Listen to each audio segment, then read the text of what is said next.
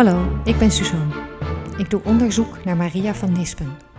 Rond 1700 was zij de cipierster van het Gravensteen in Leiden. In seizoen 3 vertel ik jullie een aantal verhalen over mensen die door Maria zijn bewaakt. Daarvoor ben ik in de archieven van Erfgoed Leiden en omstreken gedoken. Aflevering 2: Gezusters in de misdaad. Deze aflevering wil ik jullie meenemen in een stukje van het leven van de zusjes Bertram of Bertrand, Sarah en Jeanne. Het is januari 1708 als Sarah en Jeanne samen met twee jongens, Anthony en Gabriel, worden opgepakt en in het Gravensteen gevangen gezet, onder toeziend oog van Maria van Nispen, de cipierster, en haar man Wingert. Het viertal is niet op heterdaad betrapt, maar wellicht gedroegen ze zich verdacht of werden ze gearresteerd op basis van getuigenverklaringen. Waarom ze zijn opgepakt, wordt duidelijk uit hun confessies. Anthony, Gabriel en Jeanne worden op 17 januari ondervraagd. Sarah komt later aan de beurt. Zoals vaak wordt de jongste als eerste ondervraagd. Ik denk dat dat is omdat deze het makkelijkst zal bekennen. Dat maakt het weer eenvoudiger om de oudere te confronteren met zijn bekentenis. De jongste is Anthony, Anthony Bartels. Hij zegt 12 jaar te zijn en uit Franeker te komen. Dat geloven we maar even. Ik kan hier geen bewijs van vinden en ik ben erachter gekomen dat veel mensen zichzelf net wat jonger voordoen dan ze in werkelijkheid zijn. Maar voor dit verhaal is het niet bijster relevant. Anthony bekent dat hij begin december van het voorgaande jaar 1707 in de Leidse Klarensteeg drie stukken calamanque, een bolle stof, heeft gestolen uit een keuken. Hij heeft deze stukken aan Gabriel gegeven, die bij de voordeur wachtte. Gabriel gaf de stof op zijn beurt door aan Sarah en ene Teuntje. Sarah en Teuntje zijn toen met de nachtschuit via Haarlem naar Amsterdam gegaan en hebben de stoffen daar verkocht voor 16 gulden en 10 stuivers. Daarna is Sarah weer teruggekomen naar Leiden. Anders zouden ze niet met z'n vieren zijn gearresteerd. Waar Teuntje is en hoe ze verder heet, wordt niet duidelijk. Deze diefstal zal de aanleiding zijn geweest voor de arrestatie. Gabriel Hillekes is 14 en is geboren in Amsterdam. Hij bekent dezelfde diefstal en Jeanne, 16 jaar, uit Leiden ook. Wat opvalt is dat Jeanne eerst een andere diefstal bekent, namelijk die van een zakdoek uit de zak van een man op de Amsterdamse Botermarkt, het huidige Rembrandtplein.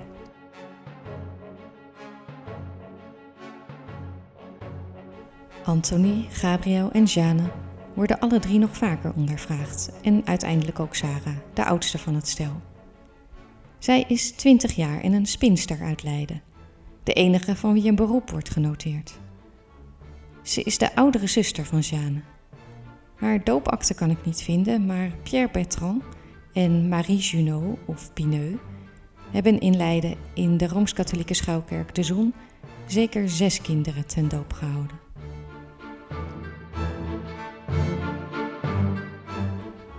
Hoe komen deze vier bij elkaar? Het was geen gelegenheidsgroepje. Ze kenden elkaar al langer. Zo'n drie jaar eerder was de toen elf jaar oude Gabriel al in zijn geboorteplaats Amsterdam op dievenpad. Hij klom eens rond middernacht over een schutting bij het Franse pad en stal daar allerhande tinnen voorwerpen die hij aan Flipflipsen en Frans van der Graft aangaf.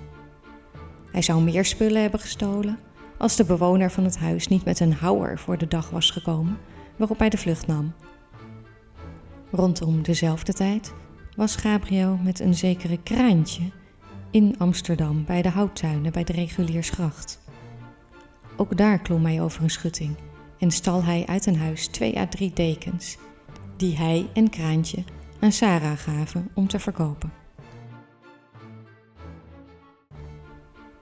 Sarah en Jane kenden Gabriel dus al langer. Het lijkt erop dat ze ook Anthony in Amsterdam zijn tegengekomen. Anthony werd daar in 1707 al eens opgepakt. Hij zei toen trouwens 13 jaar oud te zijn, twee jaar ouder dan nu, en varensgezel.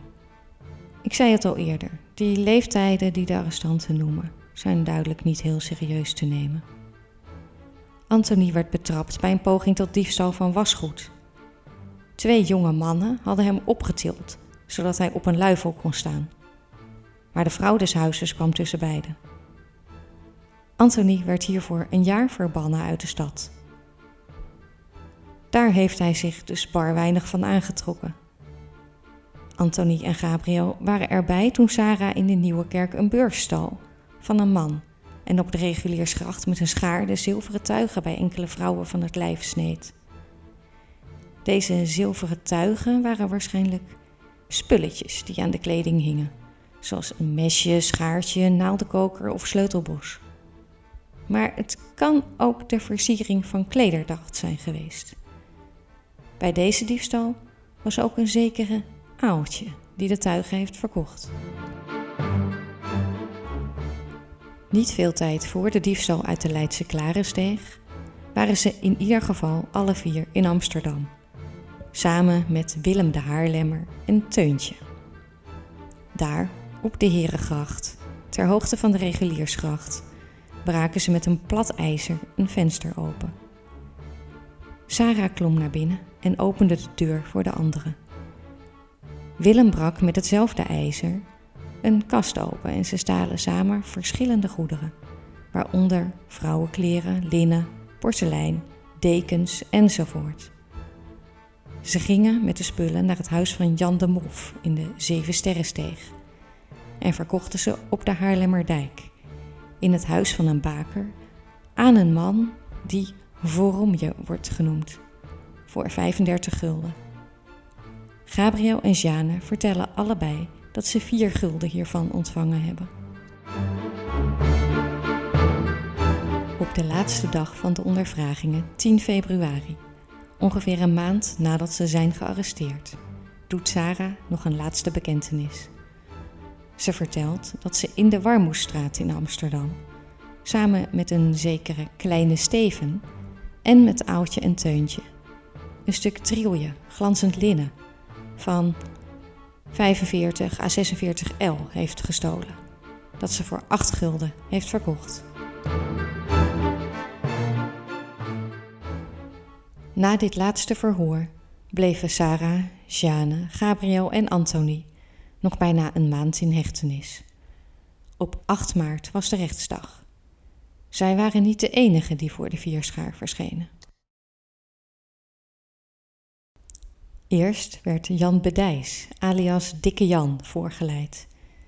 Dikke Jan had in november 1707 samen met Louis, Pieter Engelsman, Kotje Paulus en anderen met twee vrouwen een zoopje gedronken in de lopende wagen. Toen ze daarvan vertrokken waren, kwamen ze een soldaat tegen. Dikke Jan zei: Laat ons deze student aandoen. En toen hebben ze hem aangeranst en zijn degen, hoed en pruik afgenomen. Daarbij raakte ook Jan gewond aan zijn neus. Maar toen greep hij de soldaat bij de das. Jan had trouwens ook een zeker persoon, die ook wel Nigos wordt genoemd, een snee in het gezicht toegebracht, terwijl Nigons hem helemaal niets deed. Jan wordt hiervoor veroordeeld tot gezeling en acht jaar verbannen uit Holland en West-Friesland. Dan is Sarah aan de beurt. De eis is gezeling, brandmerking, 15 jaar tuchthuis en 10 jaar verbanning uit Holland en West-Friesland. Enkel de verbanning wordt niet toegekend. De volgende is Jane. De eis tegen haar is dezelfde als tegen haar oudere zus. Zij ontkomt niet alleen aan de verbanning, maar ook aan de brandmerking. Het kan zijn dat zij niet als de leider van het gezelschap wordt gezien, of ze houden rekening met haar nog jonge leeftijd. Voordat Gabriel en Anthony worden voorgeleid, zijn Albert de Mof en Kleine Leen aan de beurt. Zij hebben samen met twee anderen op verschillende plekken ingebroken, onder andere bij de Franse schoolmeester in Warmond. Hiervoor krijgt Albert de doodstraf door ophanging. Lena wordt gegezeld, gebrandmerkt en krijgt 20 jaar tuchthuisstraf. Hierna pas volgen de jongens. Gabriel van 14 en Anthony van 12 zullen binnenskamers wel strengelijk worden gegezeld. Kinderen van deze leeftijd werden vrijwel nooit in het openbaar gestraft. Daarna zijn ze vrij, maar niet voor lang. Gabriel duikt in december van hetzelfde jaar alweer op in de Amsterdamse confessieboeken. Hij is op heterdaad betrapt, terwijl hij op de achterburgwal de lakens van een bed aan het stelen was. Het blijkt dat hij nog wel meer diefstallen op zijn kerfstok heeft. Verder woonde hij ongeveer een jaar eerder in bij een viswijf genaamd Trui in de Spaarpotsteeg. Daar hield hij duiven. Maar vooral heeft hij Teuntje, de dochter van Trui, toen in haar bil gestoken.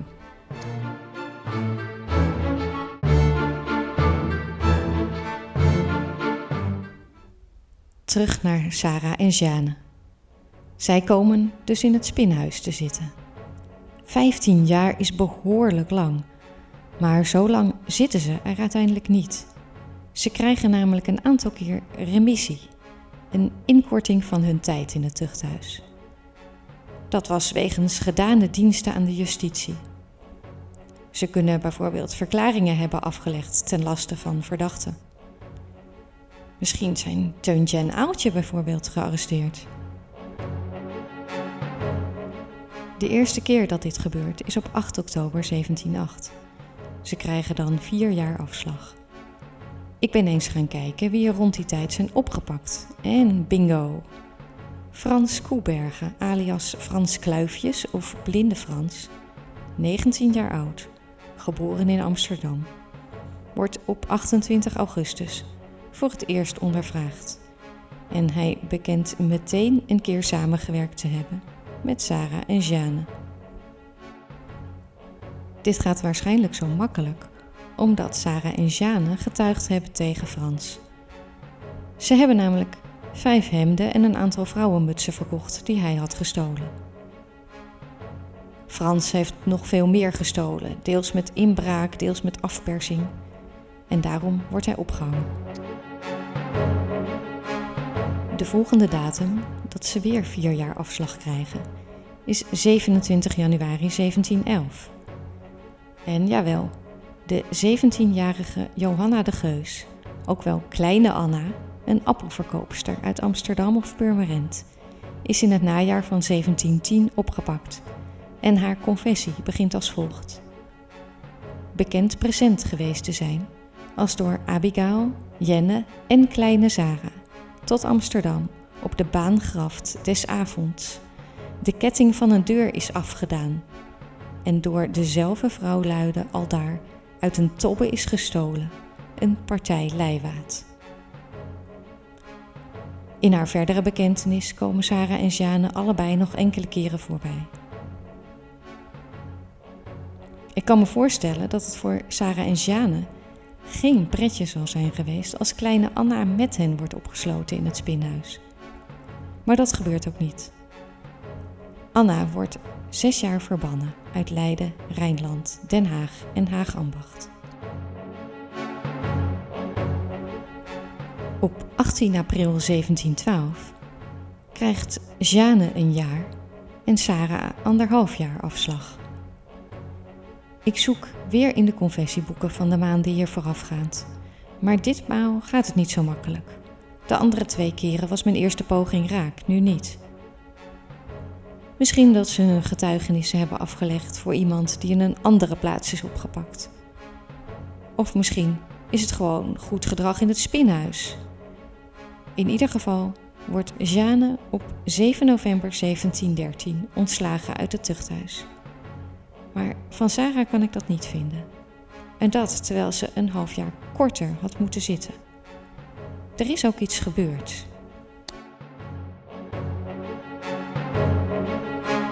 Een uitbraak.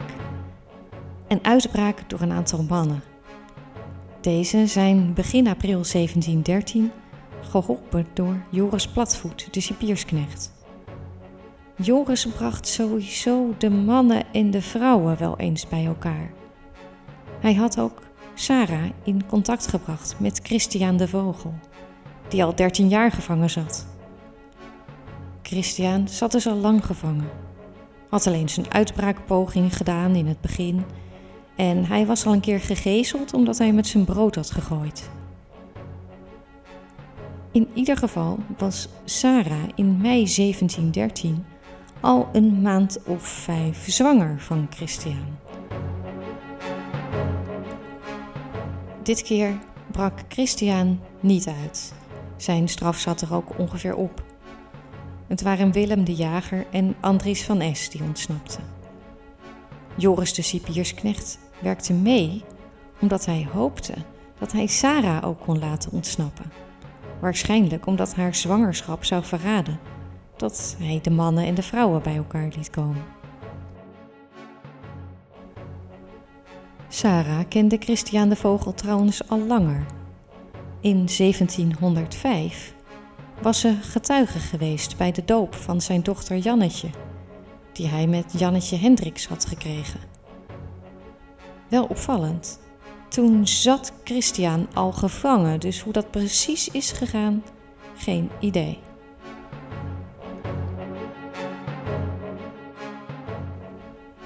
Uiteindelijk zullen Sarah en Christian allebei zo in 1713 ook zijn ontslagen uit het gravensteen.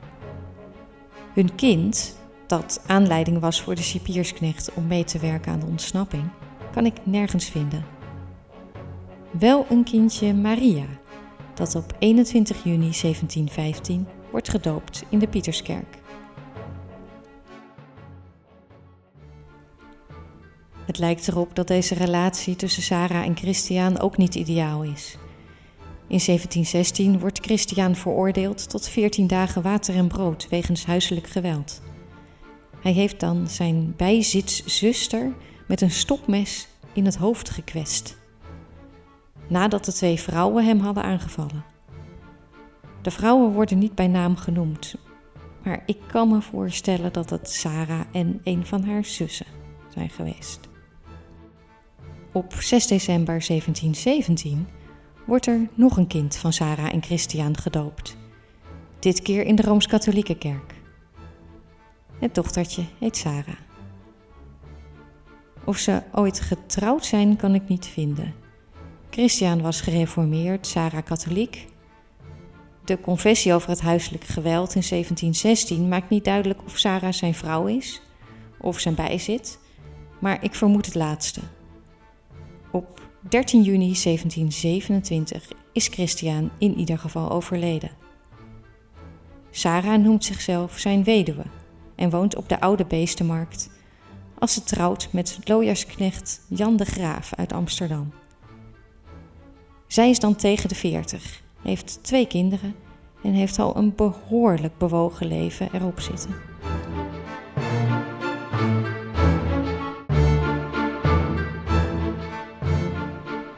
Van Jeanne vind ik jarenlang geen spoor. Geen huwelijk, geen kind dat wordt gedoopt. Maar in februari 1728 duikt ze weer op. Toch weer in de rechterlijke archieven. Ze woont dan op de kleine beestenmarkt en is kanetspinster. Weer is het diefstal waarvoor ze is gearresteerd, maar dat niet alleen. Ze heeft een zilveren koker gestolen op de botermarkt en aanvankelijk Katrijn Charlot daarvan beschuldigd. Uit haar bekentenis blijkt dat ze ook drie jaar in Rotterdam in het tuchthuis heeft gezeten. In 1726 heeft ze nog samen met Sarah, een zekere arme Co, geholpen bij het stelen van een zilveren koker. Maar daarna heeft ze Co aangegeven bij twee dienders. Daarnaast heeft ze, een paar maanden voordat ze is opgepakt, gewoond op het Levendaal. Met haar mansmoeder, oh, ze is dus wel getrouwd, haar eigen moeder en haar zus Maria. En daar hebben ze een hoerenhuis gehouden. waarbij Maria zich ook liet gebruiken. Man, moeder en zus komen verder niet voor in de confessieboeken. En Jeanne wordt in afwachting van haar vonnis in het spinhuis gezet. Maria van Nispen is dan trouwens geen cipierster meer. Zij heeft in 1727 ontslag gevraagd. En ze is opgevolgd door Jacobus Springvliet.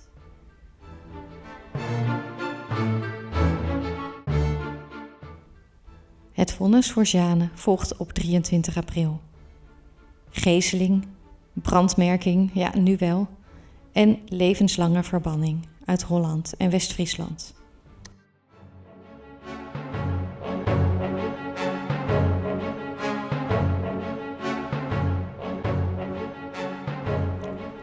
Dit was een stukje van het verhaal van de zussen Bertram. Het werd iets langer dan ik had gedacht en het had nog veel langer kunnen worden als ik nog meer onderzoek had gedaan. Maar voor nu is het genoeg. Voor de volgende aflevering twijfel ik nog. De broertjes Thijs en Raas of toch Frederik Bajarowski uit Pruisen? Afwachten maar. Jullie merken het vanzelf. Dankjewel voor het luisteren.